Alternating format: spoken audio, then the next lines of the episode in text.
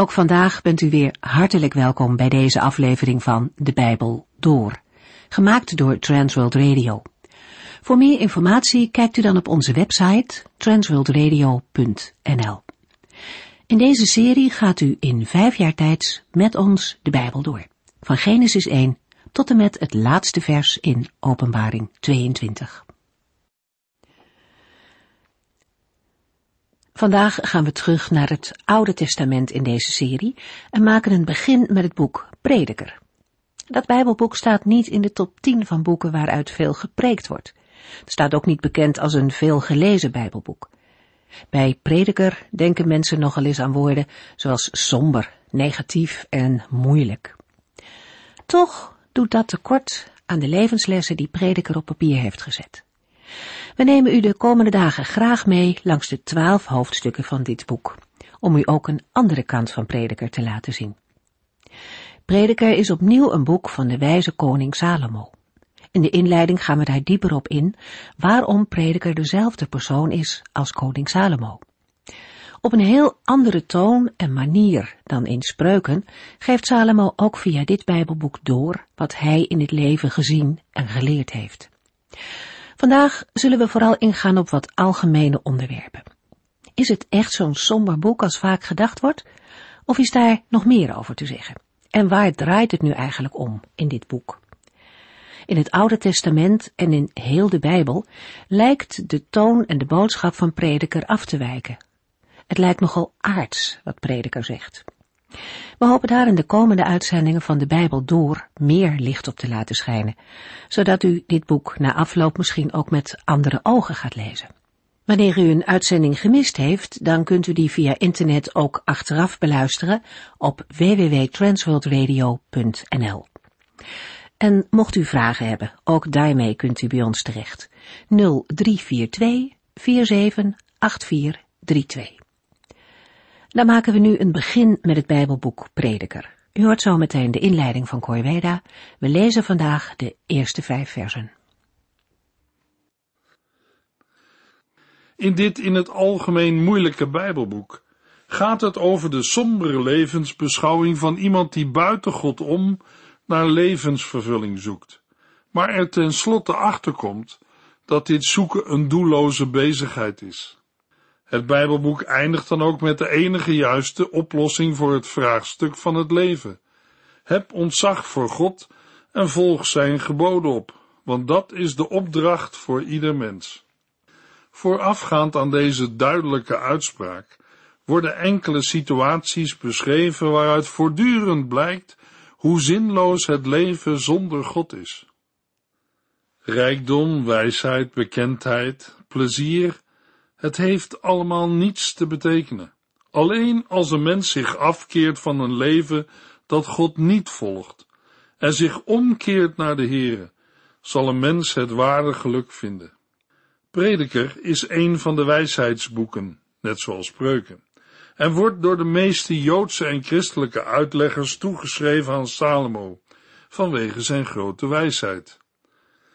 Het boek Prediker toont duidelijk hoe zinloos het is als een mens probeert voor zichzelf te leven, zonder rekening te houden met anderen of met God, de Schepper. Maar het Bijbelboek leert ook wat wel goed is. Als een mens eenmaal inziet hoe hij of zij niet moet leven, kan er ook uit het woord van de Heere geleerd worden hoe het wel moet, en blijft iemand de ellende van een zinloos leven bespaard. In de Joodse traditie hoort het Bijbelboek Prediker tot de vijf Michelot, de rollen die bij gelegenheid van de vijf grote feesten in Israël ieder jaar in de tempel werden voorgelezen.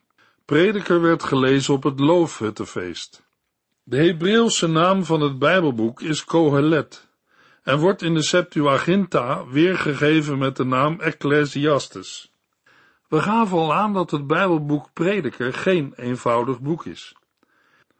Er is vermoedelijk geen ander Bijbelboek in de Bijbel dat uitleggers voor zoveel en zulke lastige vragen stelt als het Bijbelboek Prediker. De toon van het boek is somber, haast neerslachtig. Ook lijkt het Bijbelboek zichzelf soms tegen te spreken. De conclusie dat er niets beters voor een mens is dan blij zijn en plezier in het leven te scheppen zolang hij kan, en daarnaast dat hij zou moeten eten en drinken en zou moeten genieten van alle vruchten van zijn werk, omdat dat alles een geschenk van God is, wekt bij moderne lezers de gedachte op dat genot de leefregel van het menselijke handelen hoort te zijn en het hoogste goed is. In het licht van het onbehagen dat de inhoud van het Bijbelboek Prediker oproept, is het niet verwonderlijk dat het in de praktijk van de christelijke prediking en geloofsbeleving maar een zeer kleine rol speelt. Maar deze praktijk, hoe begrijpelijk ook, is onbevredigend.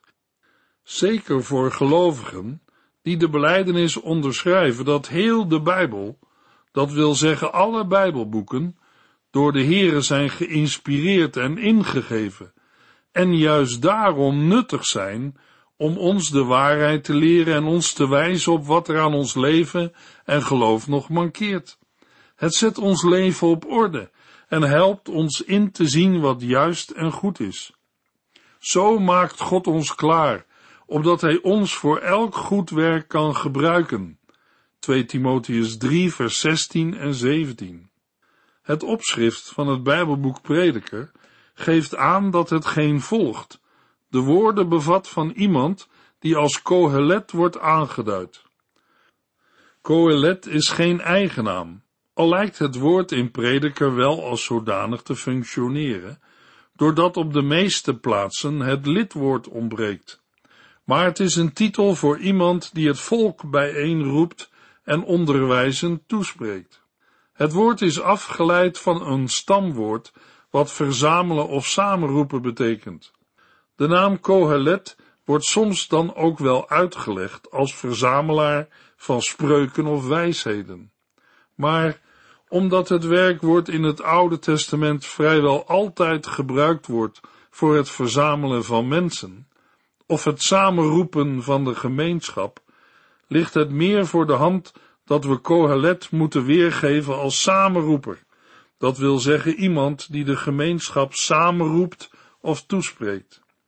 Uit Prediker 12 vers 9 blijkt dat de schrijver van het Bijbelboek Prediker dit deed in de rol van wijsheidsleraar. Luther heeft het Hebreeuwse stamwoord waarvan Kohelet is afgeleid vertaald met prediker. En in het verlengde daarvan is in Nederland de naam prediker gangbaar geworden als aanduiding voor het Bijbelboek en de hoofdpersoon die in het boek het woord voert. Bij de uitleg van de Bijbeltekst kan het verwarrend zijn dat de persoon die in het grootste gedeelte van het Bijbelboek het woord voert, hetzelfde is als de naam van het Bijbelboek. Om deze verwarring te voorkomen, wil ik bij de uitleg het Bijbelboek aanduiden als prediker, maar de persoon die aan het woord is aanduiden met Kohelet. In het Oude Testament is prediker een vreemde eend in de bijt.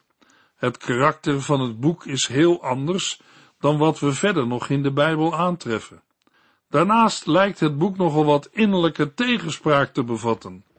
Bovendien komt de boodschap van het boek niet erg orthodox over. Hoe kan het dat een Bijbelschrijver de lezers voorhoudt dat er niets beters is voor een mens dan te eten, te drinken en te genieten? Of dat hij jonge mensen aanspoort alles te doen wat zij willen en alles te pakken wat ze kunnen krijgen? Het is dan ook niet verwonderlijk dat we in vroege rabbijnse tradities discussies terugvinden over de status van het Bijbelboek Prediker. In het Nieuwe Testament citeert apostel Paulus één keer uit Prediker. Het citaat vormt het begin van een reeks citaten uit het Oude Testament en wordt ingeleid door de woorden het staat zo in de boeken.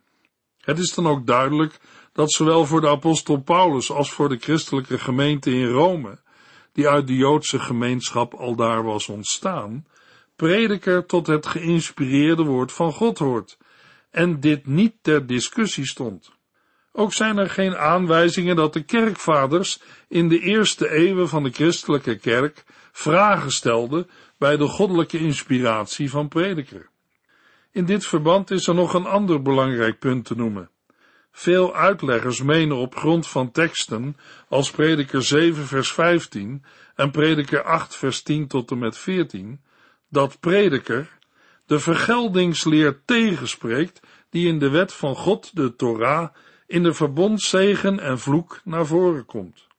Maar bij nadere lezing, zeker aan het slot van prediker, blijkt dat toch meer genuanceerder te liggen. Prediker als geheel handhaaft het uitgangspunt van Gods vergelding, maar maakt ook duidelijk dat de vergelding van de Heere niet functioneert als een automatisme en dat er in de realiteit van het leven genoeg voorbeelden zijn waarin dit uitgangspunt niet opgaat. In die zin vertoont prediker gelijkenis met het Bijbelboek Job. Wij zijn van mening dat prediker het bestaan en gezag van de Torah veronderstelt, doordat er verschillende keren op de Torah wordt gezinspeeld, met name op de eerste hoofdstukken van Genesis. Ook de tegenstelling rein en onrein veronderstelt het onderwijs uit de Torah. Ondanks het verschil in benadering spreekt prediker het onderwijs in de Torah niet tegen, maar veronderstelt en bevestigt het juist. Traditioneel wordt de persoon van Kohelet in verband gebracht met Salomo. Hoewel Salomo nergens in prediker wordt genoemd, is het duidelijk dat de tekst van prediker Kohelet met deze wijze koning in verband wil brengen. Het blijkt uit de aanduiding in prediker 1 vers 1. De schrijver van dit boek wordt prediker genoemd. Hij is koning in Jeruzalem en zoon van David. Ook wordt in prediker 2 vers 4 tot en met 9 gesproken over de grote rijkdom van Kohelet en over zijn wijsheid. Zaken die elders in het Oude Testament in het bijzonder van Salomo worden vermeld. Verder hebben wij er in het begin van deze uitzending op gewezen dat de naam Kohelet kan zinspelen op het veelvuldig gebruik van een werkwoord dat verzamelen of samenroepen betekent. Een element dat ook kan worden betrokken op Salomo, in verband met de inwijding van de tempel. Volgens de Joodse traditie heeft Salomo in zijn jonge jaren het Bijbelboek Hooglied geschreven, later in zijn leven het Bijbelboek Spreuken en aan het eind van zijn leven, nadat hij van God was afgedwaald, het Bijbelboek Prediker.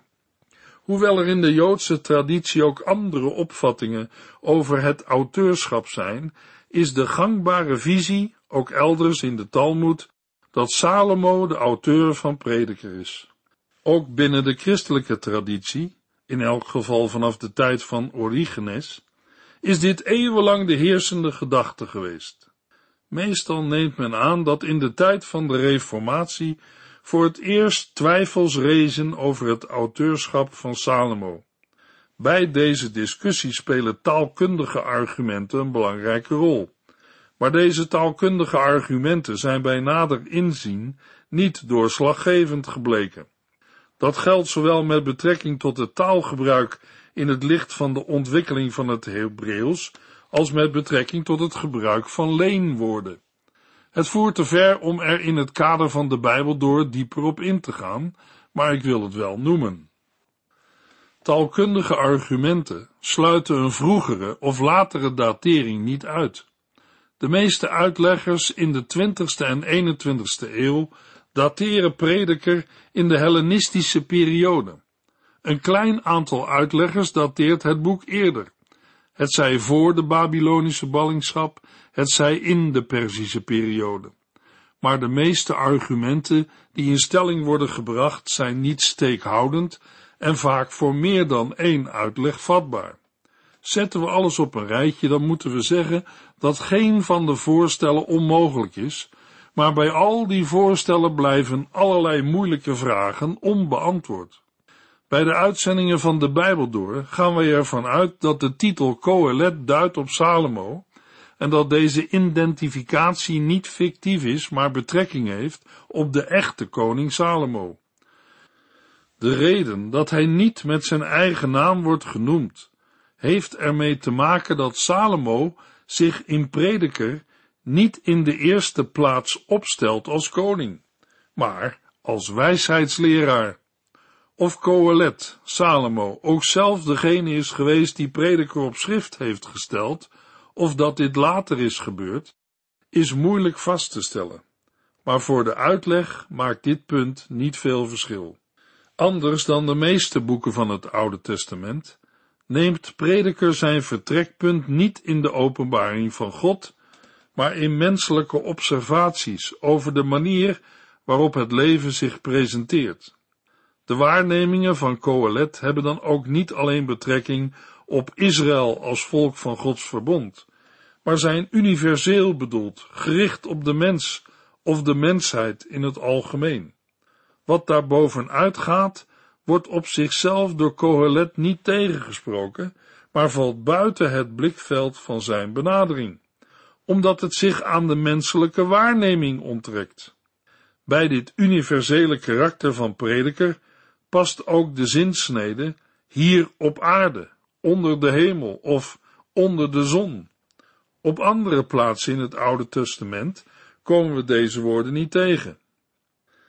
Deze kenmerken van prediker, alsmede het gegeven dat de godsnaam Yahweh in het Bijbelboek niet wordt gebruikt, hebben in het verleden tot de gedachte geleid dat prediker een seculier karakter heeft. Dat wil zeggen dat de Heer er geen rol in speelt. Tegenwoordig komen we die gedachte minder vaak tegen. De afwezigheid van de naam waarmee de Heere zich heeft geopenbaard, moeten we interpreteren vanuit het uitgangspunt van Kohelet, namelijk de menselijke waarneming, los van Gods openbaring. Maar dat wijst absoluut niet op Gods afwezigheid. De nadruk dat de mens door God verantwoordelijk wordt gehouden voor zijn daden, komt in het verloop van prediker steeds nadrukkelijker naar voren, met als climax de slotversen. De conclusie waartoe Kohelet komt stemt overeen met de nadruk in de Torah, de profeten en andere wijsheidsboeken als spreuken. Het is ten diepste dan ook niet de inhoud, maar alleen de weg waarlangs Kohelet tot zijn conclusies komt. Die weg is anders dan bij de andere Bijbelboeken van het Oude Testament. Op verschillende plaatsen in Prediker is de toon erg somber. En sommige situaties die beschreven worden zijn zo uitzichtloos dat er wanhoop doorklinkt. Op grond daarvan is wel gesteld dat Prediker een somber, pessimistisch Bijbelboek is. Het leven is een worsteling door onzekerheden en onrecht. En hoe een mens ook leeft, uiteindelijk sterft hij toch. Dus wat maakt het uit? De herhaalde oproep van Coelet om te genieten van wat je hebt, krijgt daarmee een cynische klank. Als een mens sterft, is toch alles voorbij. Dus neem het er maar van, zolang het nog kan. Maar wil Coelet dit cynische en sarcastische oproepen? De oproep te genieten en zelfs vreugde te vinden in bezit, eten en drinken, is zo nadrukkelijk in prediker aanwezig, dat deze woorden niet als cynisch of sarcastisch terzijde kunnen worden geschoven. Bovendien impliceert de verwijzing naar het oordeel dat de dood geen definitief einde is, ook al onttrekt wat daarna komt zich aan ons blikveld. Een louter pessimistische uitleg voldoet niet. Prediker bevat wel degelijk een positieve boodschap. Coelet wijst op het belang van wijsheid en van ontzag voor God en geeft herhaaldelijk de opdracht te genieten van al wat de Heere geeft. Het is veelzeggend dat in de Joodse traditie prediker gelezen wordt tijdens Sukkot, het Loofhuttenfeest. Een feest waarin Gods zegen over het afgelopen jaar wordt gevierd. Het is een tijd van vreugde. De nadruk van prediker op de vreugde van het leven, op eten en drinken, en de vreugde over de oogst past goed bij het Loofhuttenfeest, maar niet de negatieve uitleg van cynisme en pessimisme, de soms sombere observaties en de oprechte oproep tot vreugde en genieten moeten we uitleggen in de spanningsvolle relatie van het menselijke leven, zonder de een tegen de ander uit te spelen. De herhaalde nadruk op het leven in het besef van eindigheid is dan geen uiting van pessimisme, maar een realistische visie op het leven. Het moet een mens in de korte tijd die hij hier op aarde heeft aanzetten de juiste prioriteiten te stellen. Wij moeten prediker niet lezen tegen een Griekse achtergrond, maar tegen de achtergrond van de wijsheidsliteratuur van het oude nabije Oosten. De Oosterse wijsheidsliteratuur is meer concreet en gericht op situaties. De conclusies van Coelet zijn daarom geen algemene, abstracte wetten die altijd en overal opgaan, maar ze zijn gebonden aan de situatie of iemands standpunt. Op die manier wordt duidelijk hoe belangrijk het is dat een mens over wijsheid beschikt. Die wijsheid is geen abstracte kennis of het vermogen tot logisch redeneren, maar levenswijsheid, waardoor een mens weet hoe hij moet handelen in de concrete situaties die het leven aandient. In een andere situatie gelden soms andere principes en soms valt wat te zeggen voor verschillende, soms tegengestelde standpunten. Wij gaan er bij de uitleg van uit dat Coelet met opzet paradoxen gebruikt om zo de tegenstrijdigheid van zijn observaties van het leven op aarde duidelijk te maken en daarmee het belang van het vinden van wijsheid benadrukt. In het grootste deel van Prediker spreekt Kohelet in de eerste persoon over zichzelf en zijn bevindingen. Prediker 1 vers 12 tot en met 12 vers 7. Dit grote middendeel van Prediker wordt omkaderd door een proloog, Prediker 1 vers 1 tot en met 11, en een epiloog, Prediker 12 vers 8 tot en met 14, waarin de derde persoon over Kohelet wordt gesproken. Aan het begin van zowel de proloog als de epiloog vinden we in vrijwel dezelfde woorden. Het devies van het boek, waarmee de woorden van Coelet worden samengevat. In de programma's over prediker gaan we ervan uit dat proloog, middendeel en epiloog een eenheid vormen, waarbij de epiloog de steeds duidelijker wordende conclusies van Coelet kernachtig samenvat maar deze niet tegenspreekt. Het spreken over de theologische boodschap van prediker is omstreden.